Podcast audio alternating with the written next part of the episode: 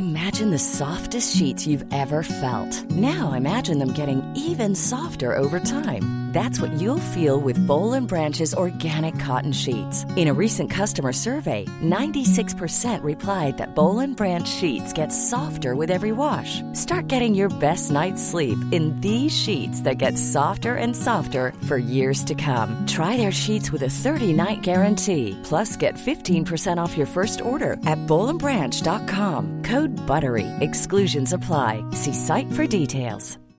Millions of people have lost weight with personalized plans from Noom, like Evan, who can't stand salads and still lost 50 pounds. Salads, generally, for most people, are the easy button, right? For me, that wasn't an option. I never really was a salad guy. That's just not who I am. But Noom worked for me. Get your personalized plan today at Noom.com. Real Noom user compensated to provide their story.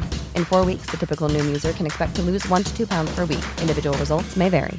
Many of us have those stubborn pounds that seem impossible to lose, no matter how good we eat or how hard we work out. My solution is PlushCare. PlushCare is a leading telehealth provider with doctors who are there for you day and night to partner with you in your weight loss journey. They can prescribe FDA-approved weight loss medications like Wagovi and Zepbound for those who qualify. Plus, they accept most insurance plans. To get started, visit plushcare.com slash weight loss. That's plushcare.com slash weight loss. Veckans sponsor är Telia. Hos Telia samlar man mobil, bredband, IT-support, mobilväxel, allt som gör företagande enkelt. Och det är just det här att samla allt på ett ställe, att ha någon att vända sig till när det inte fungerar, det är Telia. Ett exempel på vad som inte är Telia, det är ju som när jag lyckas boka förmötet för en poddinspelning med Finansinspektionen till efter själva inspelningstillfället. Eller när jag här, här året var liksom, fick för mig att jag skulle börja springa, så jag är liksom ute och springer taggad, träffar en kompis som säger så du Jan, på måndag ska jag springa ett lopp. Och jag känner så här, ja men det låter inspirerande, så jag käkar pasta, jag byter om, tar mig ner till Malmö stadion för att göra en efteranmälan, står där i kön och sen så när jag liksom anmäler mig så tittar de på mig och säger så här, du Jan, vårhuset är bara till för kvinnor. Och eh, det var, det var typisk en situation som inte är Telia. Oavsett, ett stort tack till Telia som sponsrar, gör Rika Tillsammans möjligt, men framför allt tack till dig som lyssnar, följer och eh, hänger med oss varje vecka. Det har man ju svårt för eh, ibland, att faktiskt stanna upp och ifrågasätta sig själv. Det är just det här som handlar om delvis att samarbeta med sin hjärna. Du lyssnar på Rika Tillsammans-podden som handlar om allt som är roligt med privatekonomi i den här podden får du varje vecka ta del av konkreta tips, råd, verktyg och inspiration för att ta ditt sparande och din privatekonomi till nästa nivå på ett enkelt sätt. Vi som gör den här podden heter Jan och Caroline Bolmesson. Idag är det dags för avsnitt 85 som är en fortsättning på avsnitt 86 som handlar om att eh, lura hjärnan att spara känslor, pengar, tankefällor, hur man kan få hjärnan att jobba med, eh, tillsammans med mig själv för att jag ska kunna lyckas med de sakerna jag vill, till exempel med sparande. Så att eh, har du inte lyssnat på avsnitt 86 så rekommenderar jag att du lyssnar på det här innan. Och så vill jag säga att, välkommen tillbaka Elin Hellander. Tack. Jag skulle tagit med mig två olika klädesplagg. ja, precis. För... Nej, vi, jag säger så här, vi, vi blir inspirerade så att vi fortsätter på det, här, eh, på det här avsnittet. Men för de som hoppar in, så du är ju kognitionsvetare, sparpsykolog, du har skrivit eh, den här boken eh, Järnkoll på pengarna, få råd med dina drömmar. Och du jobbar som forskningschef på Dreams, du är grundare till forskningsinitiativet moneymind.se, du bloggar på elinhellander.se föreläser, är en flitig gäst eh, och vi har gjort ett avsnitt tillsammans redan. Ja. Så jag vet vad, jag tänker att vi hoppar rakt in eh, i det där vi, eh, där vi slutade. Absolut. Och det handlar ju väldigt mycket om att i ekonomi och sparande och pengar så är det väldigt mycket känslor inblandat. Minst sagt. Minst sagt, ja precis. Och du hade ju någon Twitter-undersökning som du refererade till i, i boken, där det var så här, 49 procent har ångest kring sin ekonomi och bara 14 procent känner glädje. Alltså den, jag... Den är helt ovetenskaplig, Ja, jag vet. Ja, nej men, nej men inte det, för den, den, siffrorna stämmer samman med liksom andra större undersökningar som man Gör gör. Alltså, ja, alltså att 60 procent känner eh, oro för sin privata ekonomi och det var det jag såg där också. Jag ställde den där frågan, jag var så här, kurator för Sveriges Twitterkonto, så jag fick Jaha. in ganska många svar. Det var då jag ställde den där frågan. Mm. Och eh, eh, frågan löd så här, vad är det första du känner när du tänker på din privata ekonomi? Och jag brukar också fråga det här när jag föreläser. Ja. Och eh, man kunde välja på vad så här, glädje, eh, ingenting, eh, panik eller ångest. Ja. Och när jag ställer frågan när jag föreläser så är det alltid helt tyst i publiken, så ingen säger någonting. Ja. Eh, vilket skulle kunna tolkas som att de känner ingenting, men det är inte sant. Sen när jag frågar dem, men, vad tror ni jag fick för resultat på den här undersökningen? Vad tror ni var det vanligaste svaret? Så säger jag ångest. Så? Folk vet ju att det är ångest. Men det är precis. Ja, precis. Man frågar dem själva så är det ingen som vill svara. Men det är alltså det vanligaste eh, som vi känner. Men slår man ihop då ångest och panik så är det så här 60 procent som känner ett starkt ett obehag. Eh, det första de känner när de tänker på privatekonomi. Och det är jätteintressant då eh, när man behöver få folk att prata och tänka på sin privata ekonomi och så kommer det en ångestreaktion mot det. Ja. Hur ska man då eh, hur ska man då göra? Eh, och det är ett sätt så att, ja, men, som, vi gör på Dreams, vi pratar om, om drömmar. Ja. Eh, fast att börja där, vad vill du göra? Alltså börja på någonting positivt och bra. Sen kan man bryta ner det till, vad behöver jag göra och behöver jag spara för att, att nå dit? Ja. Och, och vi har ju också i det tidigare avsnittet pratat om det här med att alltså spara, det mikrosparandet, spara långsiktigt, alltså så här, eh, av pengarna som kommer in. Hur tänker du kring att liksom skillnaden sparande och investerande då?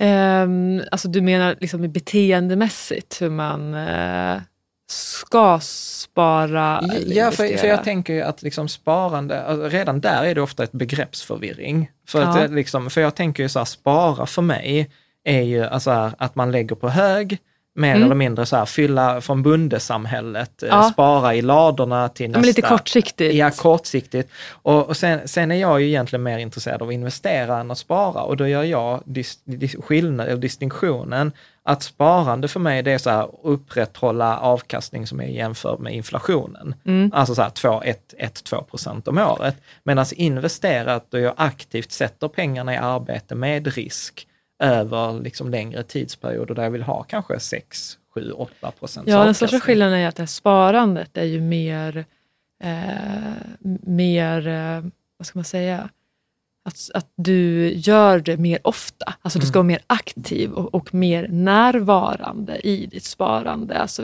man kommer in i det här mikrosparandet, kanske spara små summor eh, på daglig basis. Eh, eh, Medan det investerande, för det, för det är bra, eh, då får du bra resultat. Medan det här investerandet så är du ju inte alltid så bra att vara väldigt aktiv.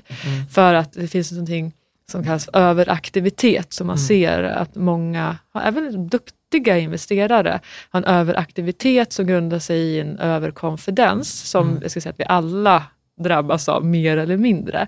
Som gör att du som är inne och petar för mycket och tänker att du ska tajma marknaden och så vidare. Och så vidare.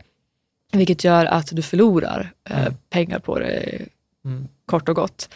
Eh, så att det investerandet är ju oftast bra om det är mer automatiserat och inte återbesöks. Mm. Eh, alltså Precis, man jag, måste se brukar, jag, över jag, det. jag, jag brukar ju säga att sparandet ska ju vara så långsiktigt och tråkigt. Alltså det ska vara nästan som att, liksom att se målarfärg och torka. Ja. Att det ska liksom att, eh, och det där hänger ju också ihop. Menar du sparandet eller investerandet? Ja, Eller? Gud ja, investerandet. Ja. alltså, redan där. Men äh, åh, det, det där är ju roligt, jag har ju tänkt på det här med aktiespararna. Ja. Det är ju också ganska begreppsförvirring. Borde det inte säga aktieinvesterarna? Ja, Eller hur? absolut. Men det har jag inte ens reflekterat över. Aha. Ja, och, och sen så måste man tänka själv lite, vad passar mig bäst? För Ja. jag har ju både liksom spar, sparkonto, och fonder och aktier. Mm. Jag har haft mycket mer aktier förut och eh, går ju nu mer och mer mot fond Mm. istället. Eh, för att kanske var lite, hade lite överkonfidens där. Nej, men det, det, det tar tid. Ja. Så aktier, då ska man ha en, eh, en, ett annat engagemang eh, som, som också... Fast vet du vad, det är roligt, för nu kommer jag med forskning från mitt, eh, från mitt håll. Ja, Och jag ska säga att det där är en myt. Att det behöver ta tid. Ah, ja. Ja, nej, men, och att, och att, eh, för, då, då säger, för då säger man att det är en ekvivalens, om jag bara lägger ner mycket tid, då kommer jag slå index. Ja. Men, men tittar du på fondförvaltare som gör detta på heltid, har liksom hundratals anställda doktorander som har liksom så här, de slår inte index över tid. Alltså det är sex av tusen fondförvaltare som slår ett genomsnittsindex. Om man, så här, man 30-årsperiod. lägger lite tid så att man eh, tar medvetna beslut. För att, för att vara kvar i en aktie är ju, som inte fastnar i default, att Mm. eh, här ska jag ligga kvar över tid. Då behöver jag hålla mig lite uppdaterad. Mm. Eh, känner jag i alla fall, över, över branschen. Nu sitter bara ett stort leende. Ja, men jag, ja, det, det, är så, det är inte så ofta man ser sån här överkonfidens in aktion. Nej, men jag, jag skulle ju säga alltså så här, alltså, återigen, det, det, det, finns, detta är liksom en av de största debatterna som finns, aktivt eller passivt sparande. Jag är ju en varm förespråkare för passivt sparande, att att statistiskt sett är det väldigt, väldigt svårt att slå index, men det går. här. Jag har ju haft andra gäster som Sparne Talving, som tycker att jag är dum som, bara, som sparar i fonder. Eh, men sen är ju skillnaden också att han lägger 50 timmar i veckan och jag lägger f- fyra timmar i månaden eh, på det där. Men jag skulle väl liksom säga att du, du håller på och, gör den här resan också. Jag började också med aktier för att sen i princip gå över till fonder. För att eh, jag, jag tänkte att vi ska prata om många, de här tankefällorna man gör. Och där är, ja, Ja, och det har jag använt eh, mitt eget, alltså jag har ju testat mig själv och mina tankefällor och Mm. mitt eget investeringsbeteende. Eh, alltså för att också alltså utsätta, alltså medvetet utsätta mig för olika saker för att Mm. se hur jag reagerar också, trots att jag har den här kunskapen om hur vår hjärna Mm. funkar och se, men kan det hjälpa mig till att ta andra beslut? vad har du sett för sådana misstag du gör då, som du har fångat dig i? Eh, men bland annat att eh, ett, ett misstag jag gjort tidigt är ju att eh, sälja av aktier som går bra Mm. och behålla aktier som har, har gått dåligt. För att liksom plocka hem vinsten och sen vänta på någon slags uppgång eller i alla fall tillbaka till Mm. investeringsvärdet på de som har, Mm. inte har gått Mm. så bra, vilket resulterar i att man sitter med portfölj med dåliga aktier. Mm. Eh, och ehm, analyserat mig själv, alltså när det är svängningar på börsen. Ja, men kan vi inte Ja. hålla, hålla kvar vid den där? Så vad beror det där på, om man tittar forskningsmässigt? Ja, men det är loss aversion, är en tankefälla som att vi, vi har en, en ganska stark eh, motkraft, aversion mot förlust. Eh, så att då om någonting har gått bra så eh, vill jag ju inte förlora den här vinsten som, som ligger där, eller värdeökningen, utan jag vill plocka hem den, alltså säkra den. Eh, så då säljer vi av eh, aktierna. Och sen så med de som har gått dåligt, så länge jag liksom är kvar investerad så finns det möjlighet att de går upp igen, får tillbaka pengarna eller till och med går på plus. Eh, och då drar vi oss för att sälja dem, för att då realiserar jag förlusten, så den blir Det blir verklig. Ja, jag måste jag som accepterar att det här, var, det, här var, det här är en förlust nu. Mm. Och det, det drar vi oss gärna för. Sen är det en till tankefälla som kickar in där som, som hur vi tänker på eh, prestation över tid. Alltså att har någonting gått bra över tid så tänker vi att då, då borde det vända nu och gå sämre. Upp som en sol, ner som en pannkaka. Ja, och att så här, har någonting gått dåligt så betyder det att men det måste ju vända Ja. någon gång, för vi Ja. utgår från att någon gång vänder. Precis som eh, om man slår en, en tärning Ja. ett par gånger så har man fått eh, sex. Ja. Så tänker man att men att få sexa nästa gång skulle vara mindre sannolikt. Eh, eh, men det är det ju absolut inte. Alltså det, det är så himla roligt för att liksom innan jag liksom också läste de här som Kahneman eller hör dig berätta, så, så var det en, eh, samma fondförvaltare, faktiskt som jag pratade om i förra avsnittet. Han sa till mig två grejer. Då är han sa så här, men eh, eh, Jan, så för sig att du ska köpa två aktier. Den ena aktien har gått upp i 21 dagar eller har, eh, liksom är på sitt högsta värde någonsin, all time high. Och sen har du en aktie som har gått ner i 21 dagar, aktie B, som nu är liksom billig. Så vilken av de här två hade du köpt? Mm. Och eh, ja, du som eh, lyssnar kan ju då ta ett beslut. Så köper du den som har gått upp i 21 dagar och är på rekord eller den som har gått ner. Och då säger ju de flesta säger den som har gått ner, liksom, för att den ska ju gå upp. Har Ja, den gått ner? Jag skulle säga gå upp. Om man var tvungen, det är väldigt lite information att välja aktiv på. Ja, Absolut. Eh, men jag skulle välja som gått upp då, om jag måste välja. Ja, precis. Eh, Men det är ju inte det de flesta väljer, kan jag berätta. När jag gör denna på föreläsningar så räcker alla upp handen på, på den andra. Eller att de inte gör någonting av, att det blir så information overflow. Re- Ja, ja. red- Choice overload, Ja, det är liksom ja. svårt. Ja. Precis. Men eh, det, det roliga då är ju att om man eh, flyttar det och så säger man så här, du ska satsa på två hästar. Den ena hästen har vunnit de senaste 21 loppen och den andra hästen har förlorat de senaste 21 loppen. Vilken häst hade du satsat på i lopp 22? Mm. Och då säger ju alla, säger ju så här, ja men hästen som har vunnit de senaste 21 loppen. Mm. Och så är det precis med, med aktier också. En aktie som har eh, gått upp, är på sitt rekord, följs med liksom stor sannolikhet av 43 nya rekord. Mm. Vilket är ganska, liksom, ganska coolt. Ja, Men det här liksom, det- och det vi pratar om nu, det är så otroligt, otroligt viktigt. Och det är Ja. bara en, en bråkdel, alltså en promille av alla liksom, tankefällor vi, Mm. vi lätt hamnar i, oavsett hur utbildad man är eller hur, hur smart man är. Mm. Så, så är vår hjärna konstruerad på ett sätt att den tar kognitiva genvägar Mm. när den, den tänker för att snabbt komma fram till ett, ett beslut. Mm. Eh, och det är att vi snubblar när vi tänker och det händer så ofta när vi investerar. tänk, jag tänkte du ska alldeles strax säga vissa exempel sådana kognitiva genvägar. Jag bara tänkte på det, där, det andra som den här fondförvaltaren sa till mig som har gjort stor skillnad för mig. Det var så han sa så här, varför måste du tjäna in pengar du har förlorat på just den aktien du har förlorat pengarna i?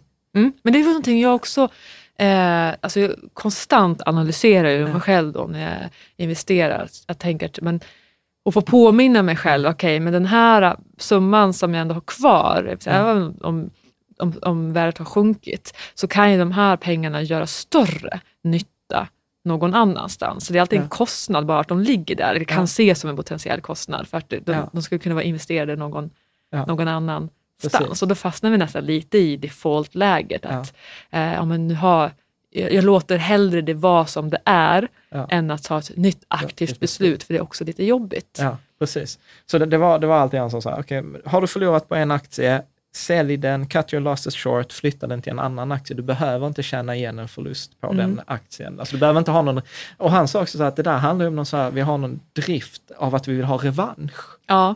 Äh, Och att vi kan, vi kan gilla, börja gilla bolag som vi har valt ut. Ja. Alltså det blir eh, en emotionell koppling till dem och vi följt dem och känner så här, Ja. "Nej, men jag, jag tror ändå på det och så drabbas vi av confirmation bias. Att vi Ja. då, för vi har trott på bolaget och så kanske informationen har ändrats. Att vi bör inte tro på det idag. Skulle vi välja idag från noll att Mm. gå in i det så skulle vi inte göra det. Men som redan har gått in i bolaget eh, så, se, så sållar vi selektiv information som vi ser om det Mm. eh, till att eh, förstora information som talar för att gå in Mm. i bolaget. Vi, vi lägger mer, mer värde i den informationen och vi förminskar viktigheten av information som visar som inte talar till det. Precis. Är det en sån här kognitiv genväg? Ja, det är precis den kallas för confirmation bias, alltså att vi har redan ett, ett beslut, alltså en uppfattning om Ja. någonting. Det här gäller inte bara investeringar, det, kan ju, det gäller ju allt vi gör. Det gäller ju rasism till exempel. Att om vi tycker någonting eh, och så ser vi, vi hittar, vi letar bevis Ja. aktivt för att bekräfta vår redan föreställning om någonting. Ja. Och när jag säger aktivt så är det aktivt men det är också samtidigt omedvetet. Ja, Alltså vi vet inte om att det här sker. Ja vad, vad spännande. Mm. Eh, jag, jag tänker jag ska, jag ska testa någonting här. Eh, Ska så- du utsätta mig för Nej, nej, nej, nej, det är inget sånt, inget sånt test, utan det, det är bara en, en, ref, en spaning jag har Ja. gjort. Eh, och det är ju så att många säger ju så här att nej men jag, jag, jag sparar långsiktigt, jag har en tioårshorisont eh, och, och så sparar man och så går det upp. Och sen eh, nu i höstas så hade vi ju en eh, skakning på börsen på kanske 10 procent. Och jag har aldrig fått så mycket mejl som sa, "Äh, nu när raset, ska jag sluta spara, ska jag sälja av? Mm. Eller någonting. Och jag var så här, men du sa ju att det var långsiktigt Ja. innan. Och då, då upplever jag så att, att vi antingen överskattar vår risktolerans eller att vi, ja men vi är snett på det på något sätt. Men jag har inte riktigt listat ut mer än så. Vad, vad är din reflektion? Eh, ja, men absolut, och, och, det är en annan sak som jag också har aktivt testat på mig själv.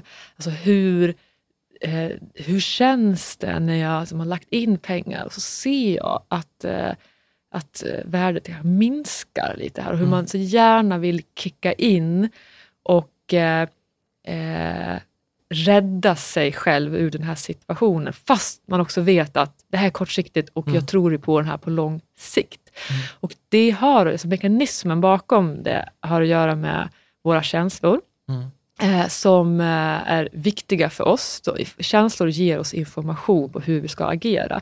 Men det som vi trillar dit på, det är att vi får inte agera på kortsiktiga känslor, tillfälliga känslor som uppstår i när en specifik ser, situation. Ja. När jag loggar in på mitt Avanza-konto eller ja. Nordnet-konto och så är och det se, minus, röda siffror. Ja, då kickar det igång, liksom, det kan vara stress och oro och då vill vi ta oss ur den känslan och då tror vi att vägen ur är att sälja av. Och sen har vi de här känslorna som gäller på lång sikt, att jag ser det här som en bra investering för mig på tio år och jag Eh, Statistiskt sett kommer jag få 8 procent. Ja, om man zoomar ut så ja. vet man att det är, är, är, bra. Men att de här tillfälliga känslorna tar över. Mm. Eh, och det händer ju oss lätt när vi investerar. Mm. Eh, det händer oss när vi konsumerar varor till exempel. Att man tänkt att jag ska in i den här butiken, jag ska handla den här varan som jag behöver och jag har mitt sparande, så här mycket ska jag spara den här månaden till exempel. Och sen så blir det någonting tillfälligt när man är där inne. Alltså ja. man, man kick, du sitter och ler stort här. Ja, ja jag vet, jag, jag känner så igen mig. ja, det, det är underbart. Jag med. Ja. Eh, så eh, ja, man, man blir frestad helt enkelt. Och man, då glömmer man helt bort det här långsiktiga eh, den horisonten och bara går in, oh, det är en bra deal och, och bara mm. idag och jag tjänar pengar på att det slår till idag känns det som. Mm. Och så slår man till och, och agerar på de här kortsiktiga känslorna. Så det händer oss jätteofta. Ja, alltså det jag tänkte på, alltså så här, för jag känner mig så himla dum, för att i området pengar, så, så skulle jag säga, jag kan det här. Alltså jag, jag, jag har suttit ut tre, eller varit med om tre ras 98, 01 och 08. Så att du vet, så här, kommer det ett ras nu, jag kommer rida ut det, jag är helt hundra. Mm. Men sen kan jag också vara så här, jag tycker lite synd om mig själv och då tänker jag så här, nej men nu ska jag äta glass och sen kan jag äta upp ett helt glasspaket.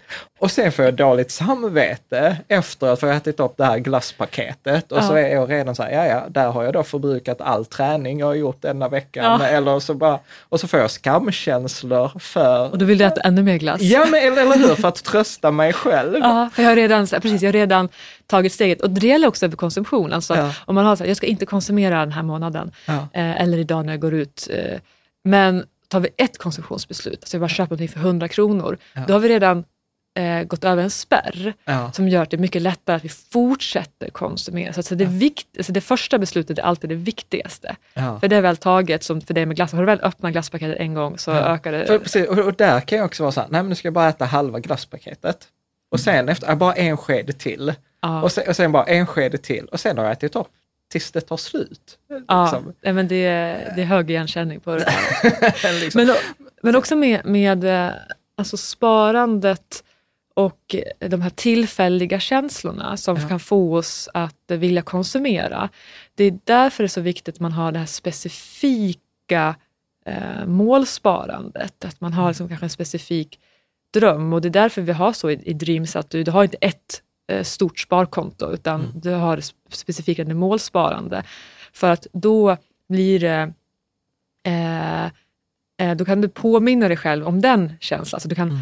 dra, det hjälper dig att dra dig ur från den här tillfälliga känslan att du vill ha den här jackan, mm. till att just det, jag har också den här semesterkänslan, eller mm. den här drömhuskänslan. Mm. Eh, och, och det hjälper oss, det lyckas inte alla gånger, men att igen få ett metaperspektiv. Ja. Men jag, tänk, jag tänker mycket på det eh, från alltså att hämta kraft i, i, i framtiden. Jag, jag tänker på så här, att eh, till exempel på fredag, jag brukar använda detta exempel ibland, fredag eftermiddag, så känner ju de flesta sig ganska glada och nöjda, liksom så här, för snart mm. är det helg. Vilket är ganska intressant, för helgen har ju inte inträffat, för det är fortfarande bara fredag eftermiddag. Ja. Precis, så att vi har ju hämtat liksom helgens kraft och glädje och energi redan liksom till nuet. Precis, och söndagen då liksom är man inne i jobbtänket. Eh, precis, och då är det folk som söndag kväll har ångest, eller måndag morgon, liksom, ah, nu är det en hel, hel vecka. Så att det funkar ju uppenbarligen i massa andra områden för oss. Så Ja. att det gäller egentligen bara att förflytta det till ett annat, eh, till ett annat område. Som till Precis. exempel sparande eller för mig från sparande till glass. eh, precis. Men, men någonting som vi var inne på lite i förra avsnittet Ja. var ju det här att man har liksom olika jag Mm. med olika behov över tid och att det här skapar empati för sitt framtida jag. Mm. Och det som händer med det lite där med, med glassen också, är ju, och för mig händer det också med, med godis, att jag kan äta, eh, så äter jag för mycket godis och så mår jag illa och så tänker jag usch, jag ska aldrig mer äta godis och sen kan det gå två timmar Mm. och så är jag liksom där med handen i godisskålen igen och äter.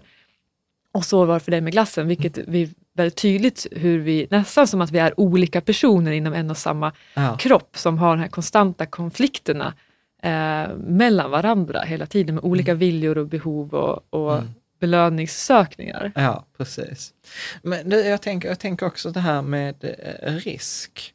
Har du liksom några tankar kring, för jag upplever ju att det är ju väldigt många människor som tar väldigt hög risk med, eh, med sina pengar. Och Ja. ibland handlar det om okunskap, eh, skulle jag säga, att man vet inte bättre, att man exempel väljer en aktie eller så här. Ja. Men, men, men sen skulle jag nog också ibland säga att, att det kan, att vi försöker kanske få utlopp för andra känslor i vårt sparande. Först- Förstår du vad jag menar? Ja, att det blir eh, också det vi var lite inne på förra avsnittet, det här med motivation eller hotivation. Alltså ho, Mm. att vi, har, vi är rädda för någonting. Och vår, vi vill undvika, eh, den här rädslan är att vi undviker saker och det i sin tur leder till att vi kanske tar onödig risk. Ja. Ett, ett exempel då att vi inte, ja men om man investerar i, i, i någonting, att man inte är tillräckligt diversifierad. Mm. Eh, för att man kanske inte vågar gå in i andra eh, eh, marknader eller, produkter. Och det blir sig en risk Mm. då som du tar, en onödig Mm. eh, risk. Så finns det ju risk, det ser vi på, på, på Dreams, att eh, folk gillar sparkonton väldigt mycket fast de sparar över en längre tidshorisont. Och Mm. eh, det, det Att man tar bättre- för liten risk. Liksom. Ja, precis. Att alltså, liksom investera det i, i, i fond istället, om du ska ha så lång eh, sparhorisont. Men det känns för vissa så läskigt och riskfyllt. Eh, och då har man kanske för, säga, för stora summor över för lång tid på sparkonto, vilket också skulle kunna ses som en, en risk. Eller så du, du, du missar en exponering, så att du missar en, en potentiell avkastning. Mm. För, för att jag har ju pratat med till exempel så här fondrobotföretag, till exempel Lysa och Opti och andra, och de säger också att reflektionen är ju att de upplever att många sparare vill ha 100% aktieexponering eller 100 exponering mot marknaden. Medan jag som liksom så här, ja de senaste tio åren har vi haft i princip konstant uppgång, då är det bra att ha full exponering, men har man varit med om några krascher så påstår jag så här att det är viktigt att inte förlora liksom nästan eh, pengarna. Eh, och jag är liksom lite så fascinerad, vad är det som gör att, att vi, vi tar de här höga riskerna? Jag ska säga i grund och botten så är det två viktiga faktorer och det är att vi vet inte själva vad vi vill ha för risk. Mm. Vi kan säga någonting, eh, men det betyder inte att det är sant. Att vi vill Det är säga... fake igen. Ja, precis, det är fake. Ja, men att du, du, du tror att du vill ha någonting, som, ja. som, som falsk dröm. Du tror att du vill göra någonting, men sen när du gör det, eller du uppvisar ett annat beteende. Och här då att om man vill ha en viss eh, exponering, men sen när du väl har den så visar det att du reagerar inte som du trodde du skulle klara av att reagera. Att du skulle vara lugn, eh, sitta, kunna sitta lugnt i båten eh, när det sen blir ett, ett ras. Eh, och det är jättesvårt att mäta risk, alltså folks riskvilja. Så det är någonting som, som banker har svårt med. Du kan ställa massa frågor och kolla på profiler och så, men, men är det rätt resultat du kommer fram till? Högst tveksamt. Ja, precis. För, för jag tänker, idag pratar man alltid så här risk, så här, ja men vill du ha 10 procent, vad är du villig att acceptera maxförlust? Och så får man fyra alternativ. 10 procent plus minus 20, 15 plus minus 40. Ja. Ja. det är så här, och till och med jag som har läst statistik på universitetet, det är så här, ingen aning. Nej, du, du har liksom inte någonting, du kan inte relatera till det på Ja. något, något adekvat sätt. Eh, så att det är väldigt komplext Ja. och det finns så mycket förbättringar som behöver göras här inom, inom branschen skulle jag säga. Framförallt då hur man presenterar risk, alltså folk, alltså vad är risk? Mm. Har du något tips till hur man kan tänka som småsparare kring risk? Alltså hur man kan identifiera det hos sig själv eller? Eh, men att, jättebra fråga. Jag tror att man ska se på att, alltså, att risk är olika saker. Vi pratar mycket, tycker jag, om, risk kopplat till eh, investeringar, alltså som någon volatilitet. Men det finns risker så mycket mer när det kommer till privatekonomi. Att inte ha ett sparande Mm. är en risk. Eh, att kanske spara på fel sätt, alltså att du har för mycket på sparkonto eller en fond, kan också ses som en, en risk. Och sen när du väl också investerar så finns det olika risk du kan välja. Så risk är så brett Mm. begrepp. Eh, jag skulle till och med vilja säga att, eh, också vi var inne på i förra avsnittet, med hur man delar upp ekonomi mellan sin partner och föräldraledighet och sånt. Att, att göra det på ska säga, fel sätt, alltså att man inte har pratat igenom det och tänkt igenom det, det är också en, en risk. Eh, så um, mitt tips är då att, att börja se risk som eh, någonting, någonting större som eh, påverkar hela vår privata ekonomi och eh, tänka på vad kan jag göra för att känna trygghet in för framtiden. Och eh, för den som inte har ett sparande alls idag, så man börjar ha ett, ett sparande, en, en, en buffer som inte behöver vara till tråkiga saker, det kan vara en kul buffer för roliga saker. Och sen sätta upp ett mer långsiktigt sparande. Och sen kolla över pensionen och, och så vidare. Och, och kolla upp hur har vi delat upp ekonomin om man är partner, sambos. Sen kan man kolla, men är vi gifta? Har vi testamente? Så det finns eh, så många saker att, att eh, tänka på kring, kring risk som är mer än bara eh, aktieinvesteringar, lite volatilitet eller fondinvestering. Jag tänkte att vi skulle hoppa till en annan sån här tankefälla. Och det är ju så här ankareffekten. Den skriver du en hel del om. Ja, självupplevd också. Alltså, Ja. Det är ett exempel i boken. Ja, det, det Kan du inte ge något exempel och berätta om den? Ja men absolut, så den, den, det är jag som översatte från engelskans anchoring effect som gör att vi kopplar information, vi behöver sätta relation, information i relation till någonting annat. Eh, och det är det som gör att risk blir så svårt, för vad ska du sätta olika alternativ i relation till? Och det här händer oss väldigt ofta med, med pengar, alltså med summor, med priser när vi konsumerar. Alltså en jacka för tusen kronor, är det ett bra pris för den här jackan? Hur kan du möjligen eh, veta det? För det har att göra med kvalitet och massa olika saker.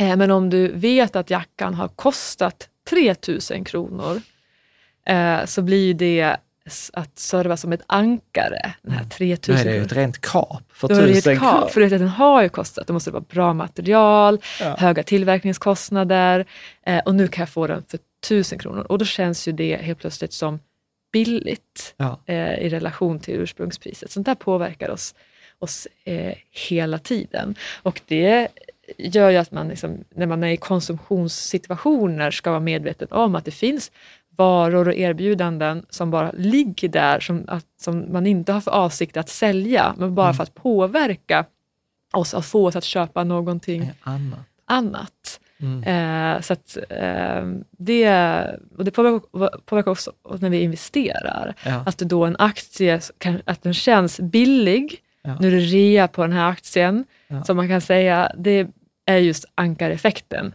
Att vi då kollar på ett tidigare värde som den har haft och sen så jämför vi det nuvarande värdet. Men jag menar, ett värde ska ju alltid reflektera Värdet, värdet. idag. Ja. så att då är det ju egentligen inte relevant att titta Ja. på tidigare Ja, värde. jag kan säga bara för några dagar sedan, jag tittade på Boliden. Jag gillar ju Boliden jättemycket och det var så här 250 kronor kostade den för ett tag sedan och nu var den så typ 187. Jaha. Och jag bara så här, gud vilket kap! Eh, och, och sen insåg jag så här, nej jag håller på att lura mig själv för att den ska ner. Det är ett cykliskt bolag och, och, och massa andra, men den spontana känslan är ju så här, gud vad billig Ja, är. och det är så bra att du kan stanna upp där Mm. och, och det, kan, det har man ju svårt för eh, Ja. ibland, att faktiskt stanna upp och ifrågasätta sig själv. Det är just Mm. det här som handlar om delvis att samarbeta med sin hjärna.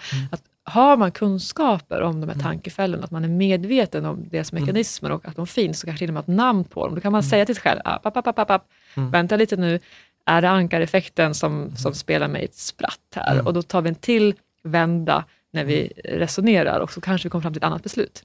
där är en annan sån här, jag vet inte om det är ankareffekt eller någon annan sån här tankefälla, men jag ser ju, alltså om jag tittar på några av eh, de fondförvaltare som jag har träffat eller eh, som är duktiga investerare, de mäter ju aldrig i absoluta tal sin portfölj, alltså Mm. utvecklingen på sin portfölj, utan de tittar alltid bara på den procentuella avkastningen. Och de tittar inte ens om den procentuella avkastningen är positiv eller negativ, Mm. alltså om den är över noll eller mindre noll, utan de jämför den alltid mot ett index. Mm. Så att de kan vara så här, du vet, det har gått ner minus 40 procent, Mm. där man själv hade fått ångest. Och de är sjukt nöjda att de liksom öppnar en flaska champagne för att eh, liksom, eh, index var minus 60. Ja. Och, det är med. och då tycker de så här att ja, men jag ligger 20 procent bättre mot index. Mm. Så vad är det vi gör för fälla där vi jämför absoluta tal eller där vi jämför i, i förhållande till de här proffsen? För det är uppenbarligen en framgångsfaktor. Ja men att, att precis att, att i en, eh, i en konsumtionssammanhang så är, blir det väldigt tydligt vilket värde vi jämför. Mm. Alltså, vi jämför 1000 kronor med jackans tidigare pris, men i investeringssammanhang, som i det här fallet, så är alltid frågan, men vad ska vi jämföra mot? Mm. Eh, där, där folk då kanske väljer fel saker att, att eh, benchmarka sig, sig emot helt enkelt. Mm. För jag kan ju fortfarande, jag, jag ska säga helt ärligt, jag kämpar fortfarande med den här. Att jag kan tycka liksom så att ja, men, eh, portföljen går back. Eh, till exempel så här, jag kan ha svängningar på kanske 50 000 Mm. eh, i, i, i min eh, portfölj över, liksom en, över en vecka. Och då kan jag vara så här, ja gud vad jobbigt, liksom då är hela månadens lön borta. Lön till Ja. jag har jobbat eh, liksom, eh, denna, Ja, denna, denna månaden. För nu har jag ändå förlorat allting i, på, på börsen. Så, och, Det blir också det här kortsiktiga, att Ja. man ser då känslorna som kommer för stunden. Att, att eh, visst, du gör den här, det blir en ankareffekt, att du eh, jämför, sätter relation till varandra och så ser man den här veckan, vilket är helt meningslöst egentligen, att ens reflektera över någonting över en vecka sen det kommer till investeringar som man har på Ja, lång sikt. ja. Ja. Min lösning är ju så att inte logga in på Avanza eller Nordnet för, för ofta. Nej men det ska man ju inte göra. eh, Jag såg någon heller. studie där de var så här att ju, ju mer sällan du loggade in, desto bättre resultat fick du. För Mm. att det är också så här att börsen går ju 60% upp och 40% ner ungefär, alltså enskilda dagar. Och då är det ju längre tid du, du har mellan dina inloggningar, desto Mm. större är ju sannolikheten för att det är upp. Ja, Eh, och att, att folk loggar in mer när liksom börsen generellt sett går bra. ja, ja. Och när den går också dåligt så är vi inte lika intresserade av att Ja. gå in kanske på daglig basis och bara Precis, njuta av siffrorna. Ja. Ja. Annars går man in och kanske bara njuter och känner då som så här, ja, den här veckan har jag inte bara min lön utan jag har också gått upp 20 000 eh, Ja. som känns som att jag har de pengarna här. Eh, och går det ner så får vi lite ångest och vill undvika att Ja. titta på det. Eh, en annan tankefälla, status quo. Ja, Ja. Den eh, är en väldigt viktig tankefälla för att framförallt, alltså den drabbar oss alla, men det är också en, en grundbult i de som inte kommit igång med det de vill komma igång med. Eh, men även om man är igång med sparande och investeringar och kanske behöver och vill göra justeringar så ställer status quo till det. Och det har att göra med att vi föredrar icke-val, alltså icke-beslut, att låta det vara som det är idag. För att ta ett beslut, ett aktivt beslut, det är kognitivt krävande. För att vi behöver ta in massa information och, och jämföra saker mot varandra. Vi ska börja eh, spara i en fond, eh, så, så här, var ska jag börja? Vad ska jag ha för fond? Det finns massa fonder att, att välja mellan. Eh, och det blir ganska jobbigt. Man kan drabbas av choice overload, där det finns så mycket alternativ så jag vet inte ens vart jag ska börja. Och då låter vi det vara som det är idag istället. Det är anledningen till att eh, i Dreams så kan du investera i fond, jag har en fond bara. Så, så här, det är en bra okej fond. Du kommer kunna hitta eh, liksom, mm, bättre fond om du sitter och letar eh, på massa ställen. Du kommer inte kunna hitta sämre fonder, men den är okej. Så att, så här, och bra. Vill du köra så kör. Ja. Eh, för att så göra det väldigt enkelt att ta sig från status quo och börja eh, ett nytt beteende. Ja. Eh, för det är jätteviktigt. Många fastnar där, att det blir för höga trösklar. Är det samma sak som ekonomisk tröghet, som du också pratar om i boken? Ja, precis. Jag beskriver det som ekonomisk tröghet. Eh, det är status quo en, en del av. Men sen har vi också den här rädslan för att ta dåliga beslut. Mm. Eh, och vi har oftast en drivkraft till att vi vill ta det mest ultimata beslutet, det bästa beslutet vi kan komma fram till. Mm. Och de här sakerna tillsammans gör att vi... Det händer ingenting. Det händer ingenting. Vi tänker att det ska hända, vi vill att det ska hända, men vi skjuter det på, på framtiden. Och det blir en ekonomisk tröghet som gör att vi kanske kommer igång för sent. Alltså vi kommer igång senare än vad vi hade tänkt. Ja. Det vore bättre om du hade börjat spara. Ja. Eh, typ, jag, jag tänker det första jag tänker när du pratar så är pension. Ja. Att många, många säger, ah, men jag, jag tar inte tag i min pension Ja. nu. Liksom. Och bara, ja, men, alltså, de, eh, alltså bara komma igång i att, att våga flytta över pengarna från ett sparkonto till ett fondsparande. Mm. Eh, det finns väldigt många människor som, som har det steget framför Mm. sig. Ja, precis. Eh, Du har ju också ett exempel, det här klassiska exemplet med Nick Leeson från Barings Bank. Eh, Jag tror det är förlustaversion. Ja, Kan du ta exemplet och vad det handlar om? eh, absolut. Eh, så han eh, var ju, jag kommer inte ihåg vad hans titel var, men liksom en investerare för, för en stor anrik eh, Från brittisk bank. 1600-talet eller till och med var det en så här jättegammal bank. Ja, precis. Ja. Ja, alltså väldigt anrik bank. Och gjorde investeringar som inte gick som han hade Jag tror han tänkt. spekulerar i vete. Eller Är det något så? Jag tror det var något så här, jag kan ha fel, men det, Mm. det, är så här, det bara kom upp. eh, Ja. Att det var något så här. Och det var helt galen, som gick jättefel. Ja, och, och då är ju, det är ju en förlust då. Då vill han ju ta igen den förlusten. Och eh, börja ta pengar från andra, andra konton och försöka också dölja den här förlusten till att börja med. För Ja. att eh, den var, han såg det som tillfällig. Eh, och för att då ta igen den här förlusten och även då kanske komma på plus Ja. så tog han ännu mer risk. Ja. Så högre riskexponering och det gick fel Ja. så att förlusten växte Ja. och eh, blev ännu större. Och där kommer det in känslor som Skam. precis skuld och skam, vilket gör att han ändrar ju sitt beteende och kickar in i att försöka dölja det Mm. här. Det var så viktigt att det inte skulle komma fram. Så det är två saker, att dölja det och ta igen det, så att Mm. ingen någonsin skulle behöva få reda på att det här har hänt. Och för att hoppa direkt till slutet så Mm. slutar det med att eh, det, finns, det är så stora skulder Mm. eh, som han har dragit på sig. Eh, banken eh, konkar. Mm. Han flyr landet Mm. och eh, blir sen gripen, Mm. eh, fängslad, åtalad. Jag vet att jag har inte sett det själv, men det har gjorts en film på den här Mm. eh, berättelsen. Och då att man tänker tillbaka lite, att det här är en människa som eh, förmodligen är utbildad, smart. Mm. Eh, han måste ha tagit en massa bra, smarta beslut innan, Mm. som ändå har tagit han till den tjänsten han hade där och det förtroendet han hade. Och där händer det någonting, alltså de här Mm. drivkrafterna bort från skuld och skam och Mm. mot eh, som bättre investeringar, få, få, tillbaka pengar Mm. och tjäna mer pengar, eh, gör att han blir helt irrationell Mm. och beter sig konstigt. Och det är ett väldigt, en viktig insikt som jag skulle vilja skicka med att, eh, att alla kan ta dåliga beslut. Mm. Eh, fast du är en smart människa och har Mm. tagit dåliga beslut. Det betyder inte att du är Mm. nödvändigtvis puckad. Och eh, man pratar om eh, människor som kanske tar do, dyra lån Mm. och hamnar i skuld, så kan eh, folk kanske känna att så här, himla puckat. Mm. Eh, du vet ju att liksom, det är dyr ränta, att det är svårt att betala tillbaka.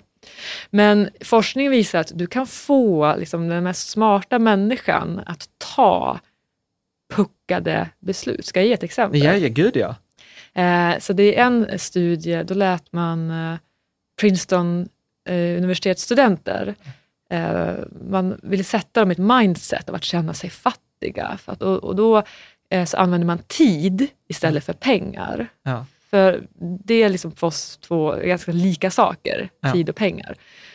Och eh, du ska lösa en, en uppgift, eh, eller uppgifter, problem. Och ju mer rätt du har, ju mer pengar får du som belöning. Ja. Och varje uppgift så har du en viss tid till att lösa.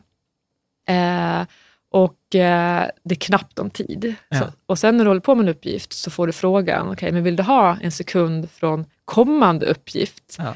och använda på den här uppgiften istället?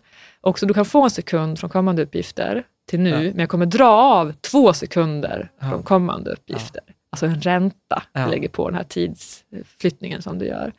Eh, och där så ser man på resultaten att folk tackar konsekvent ja till det här.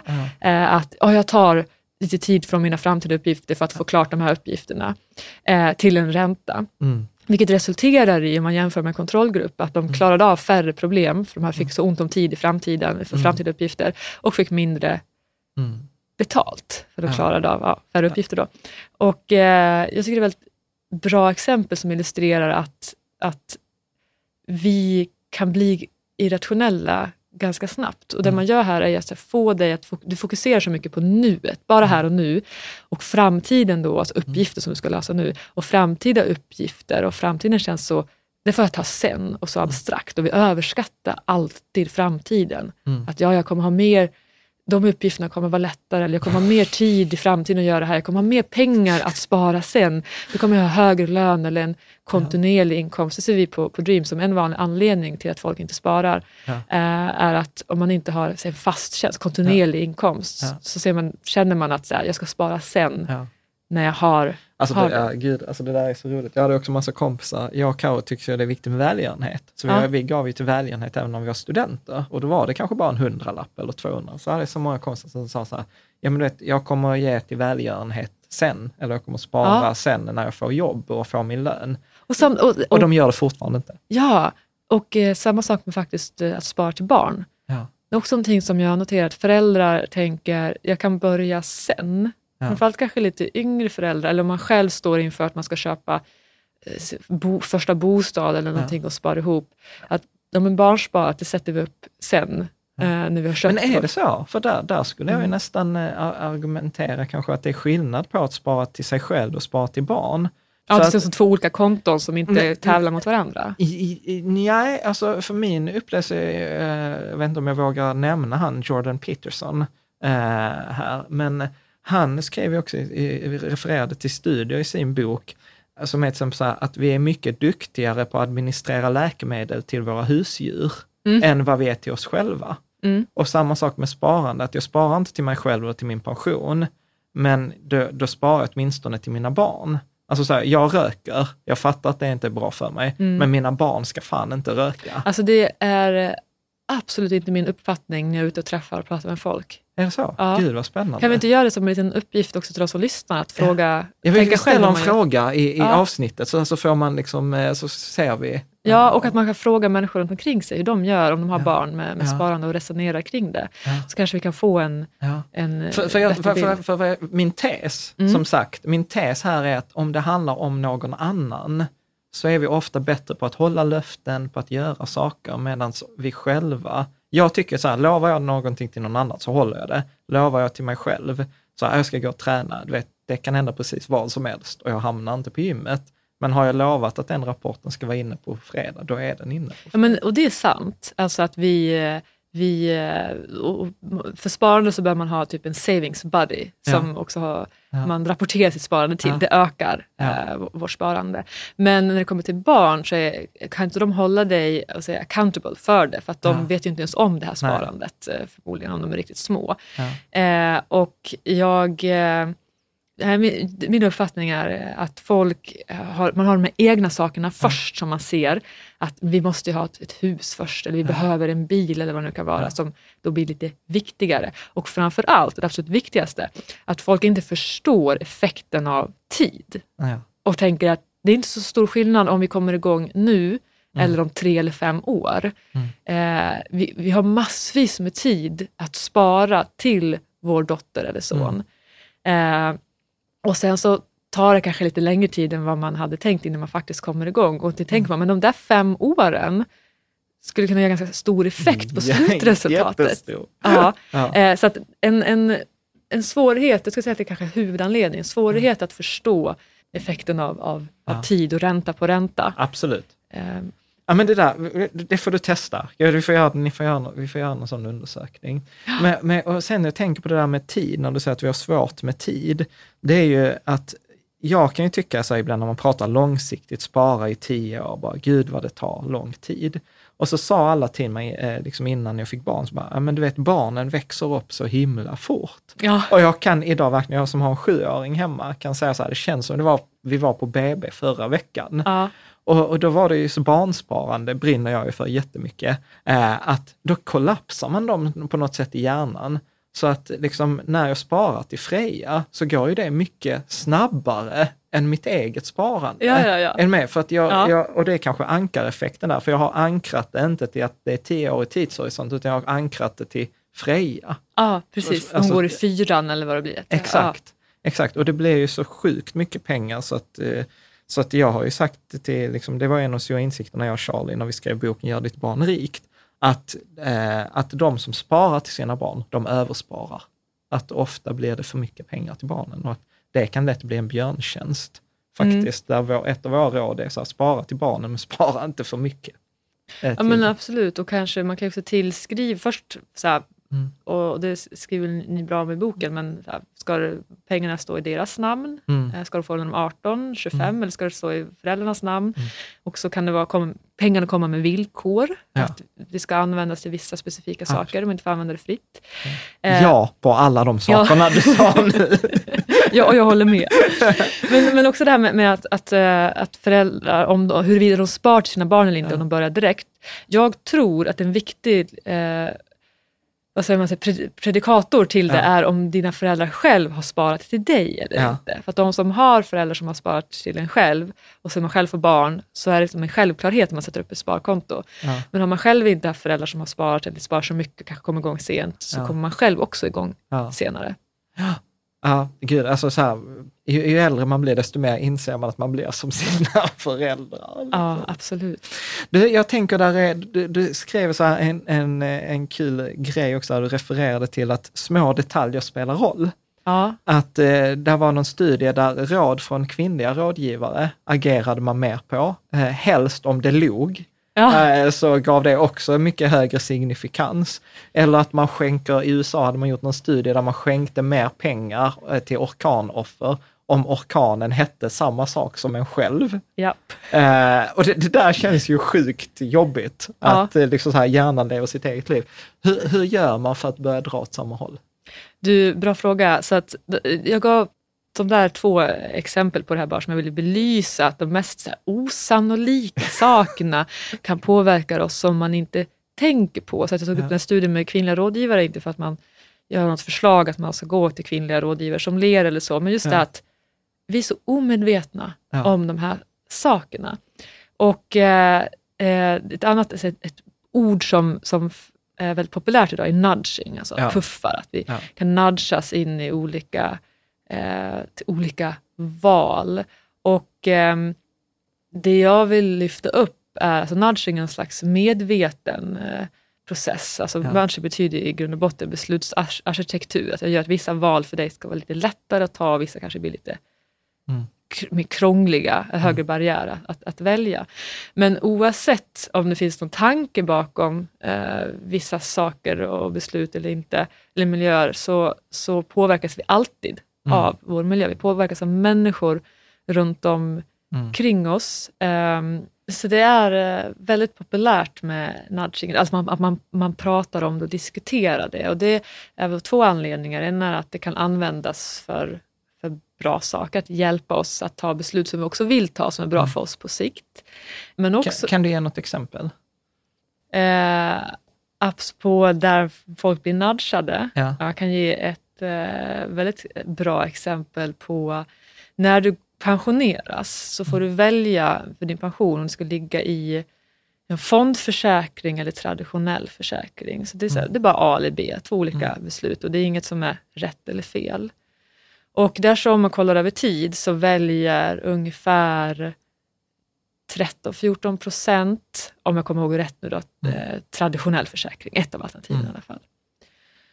Och eh, sen så eh, för några år sedan så ökade den där siffran från 14 procent till 50 procent, alltså hälften väljer eh, om det är traditionell, traditionell försäkring. Och då blir man inte nyfiken på vad som har hänt här, vad det som har gjort att folk har förändrat sin, sina beteenden så, så mycket. Och eh, det man gjorde där var på den här pensions, eller den här blanketten blanketten är att man alltid tidigare har haft ett defaultval för Mm. fondförsäkring. Som har varit ikryssat, så väljer du ingenting så blir det fond. Mm. Och då har 14-13 procent 13 procent valt traditionell försäkring. Mm. Och sen så testade man, vi tar bort Förvalet. förvalet och bara låter det vara blankt. Ja. Och du måste ta ett aktivt val. Ja. Och då blir det 50-50 helt plötsligt. Så det är ett exempel på hur då vår miljö, i det här fallet en blankett, alltså en Ja. prick på en blankett, påverkar vår, vårt beslut. Det är ett man- viktigt beslut också. Eller Ja. det är liksom ett stort beslut som gäller din, din pension. Ja. Är inte det också det man har gjort med sådana här organdonationer? Mm, absolut. I, att, att man sätter default att du donerar? Ja, jag har, jag har en graf på det i, i boken som visar olika, olika länder. Och där kan man se att Sverige ligger väldigt högt. Alltså många som donerar organ.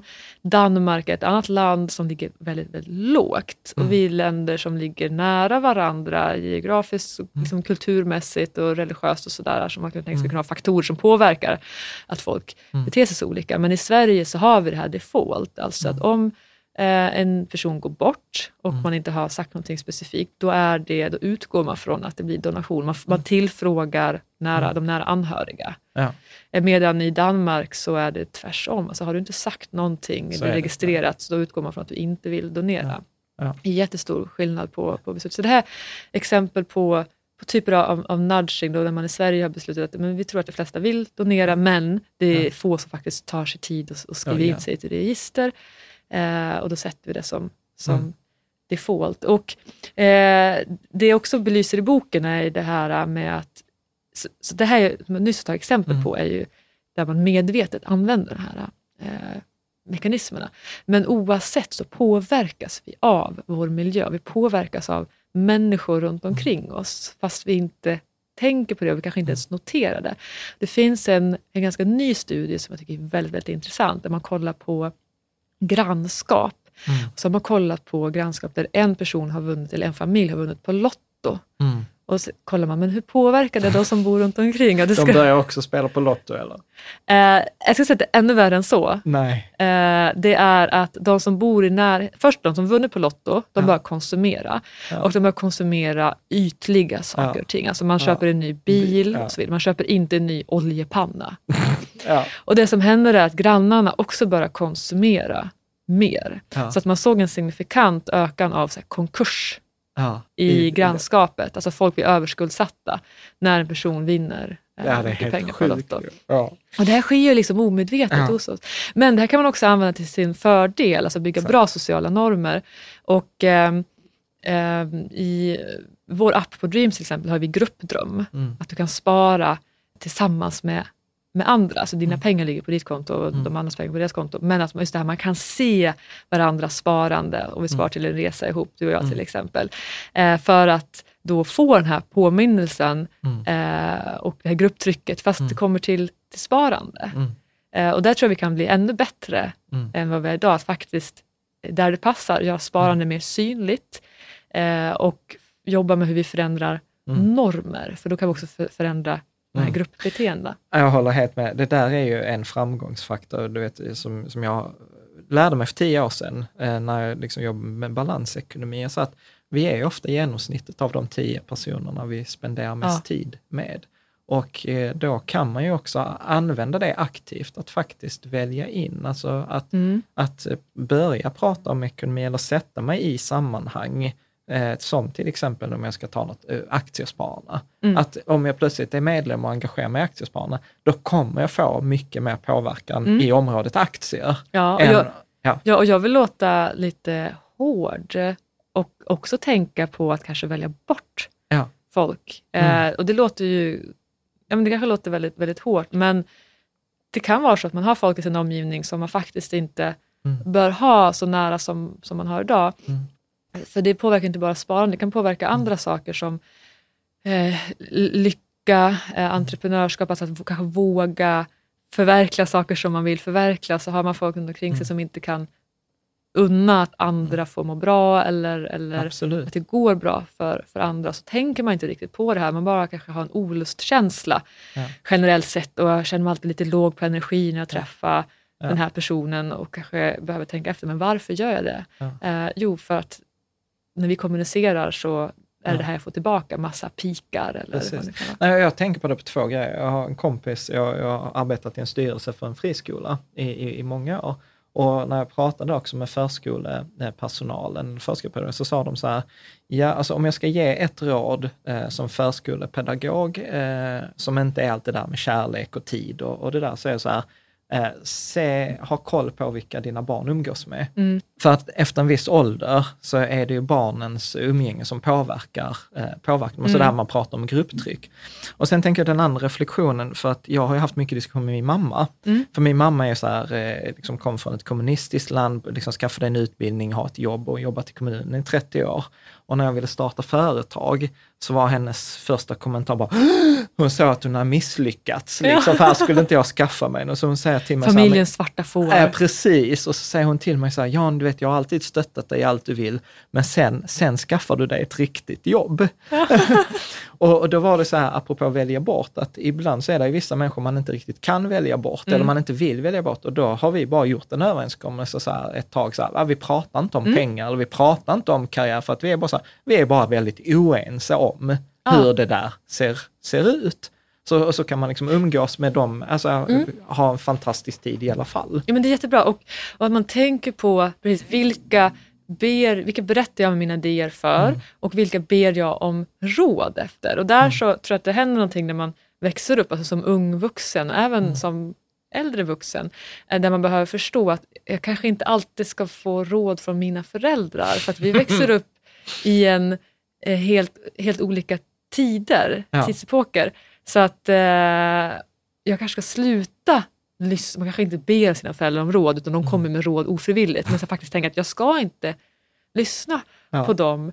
Eh, och när det kommer till sparande då, framförallt som, som du sa, att man då omger sig med människor som eh, står för de saker som man själv vill göra mer av. Mm. Men också att man tänker där på vem pratar jag sparande med? Eller vem Mm. låter jag få kommentera min privatekonomi eller mina investeringar och vad har den för privatekonomi och Mm. investeringar? Och, och kanske tänka, men du kanske inte, jag kanske inte ska lyssna så mycket på dig för att du eh, Precis, Inte har kanske inte de resultaten som jag vill ha. Eller liksom så här, det är som att, jag tänker på det ibland, det är som att sätta sig i en bil med någon och så vet man inte var de ska köra. ja, Liksom. Eh, utan eller så om de har körkort ens. ja, dess, dessutom. Du, jag tänker att vi ska, alltså tiden går så himla fort, vi ska runda av. Har du någon finansiell förebild? Gud, vilken bra fråga. Jag skulle säga rent spontant, Ja. så här, nej, men jag har massa olika förebilder som, jag, som jag plockar. Ja, vilka då? Och vad plockar du? Åh, gud vad bra fråga. Gud, det här borde jag ha tänkt på, på själv lite mer ofta. Ja, men, alltså, jättemånga. Vi säger Sandra Bourbon, framtidsfeministen. Mm. Eh, jag inspireras av hennes eh, driv, engagemang och framförallt gå sin egen väg. Det gör Mm. hon verkligen.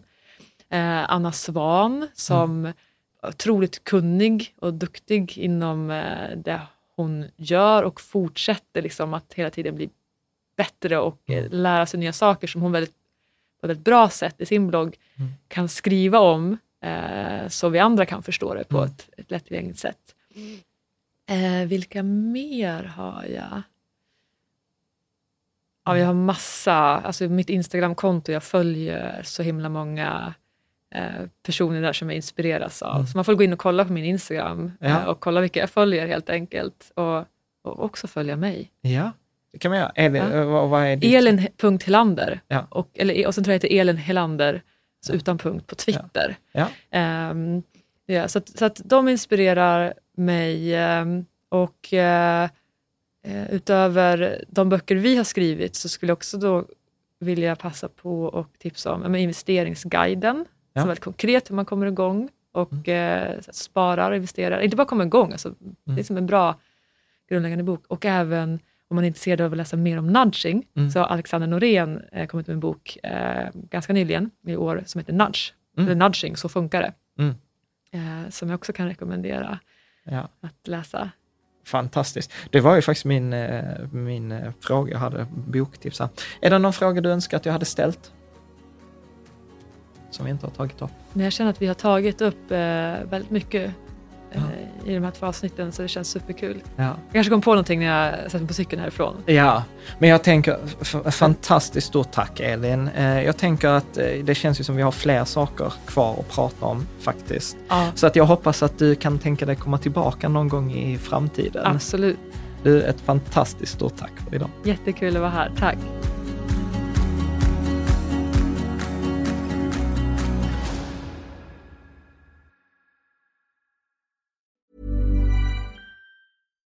When we're on a budget, we still deserve nice things. Quince is a place to scoop up stunning high-end goods for 50 to 80% less than similar brands. They have buttery soft cashmere sweaters starting at $50, luxurious Italian leather bags, and so much more.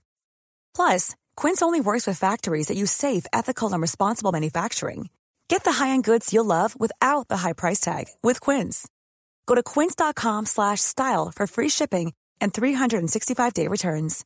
When you make decisions for your company, you look for the no brainers. And if you have a lot of mailing to do, stamps.com is the ultimate no brainer. It streamlines your processes to make your business more efficient, which makes you less busy. Mail checks, invoices, legal documents, and everything you need to keep your business running with stamps.com. Seamlessly connect with every major marketplace and shopping cart.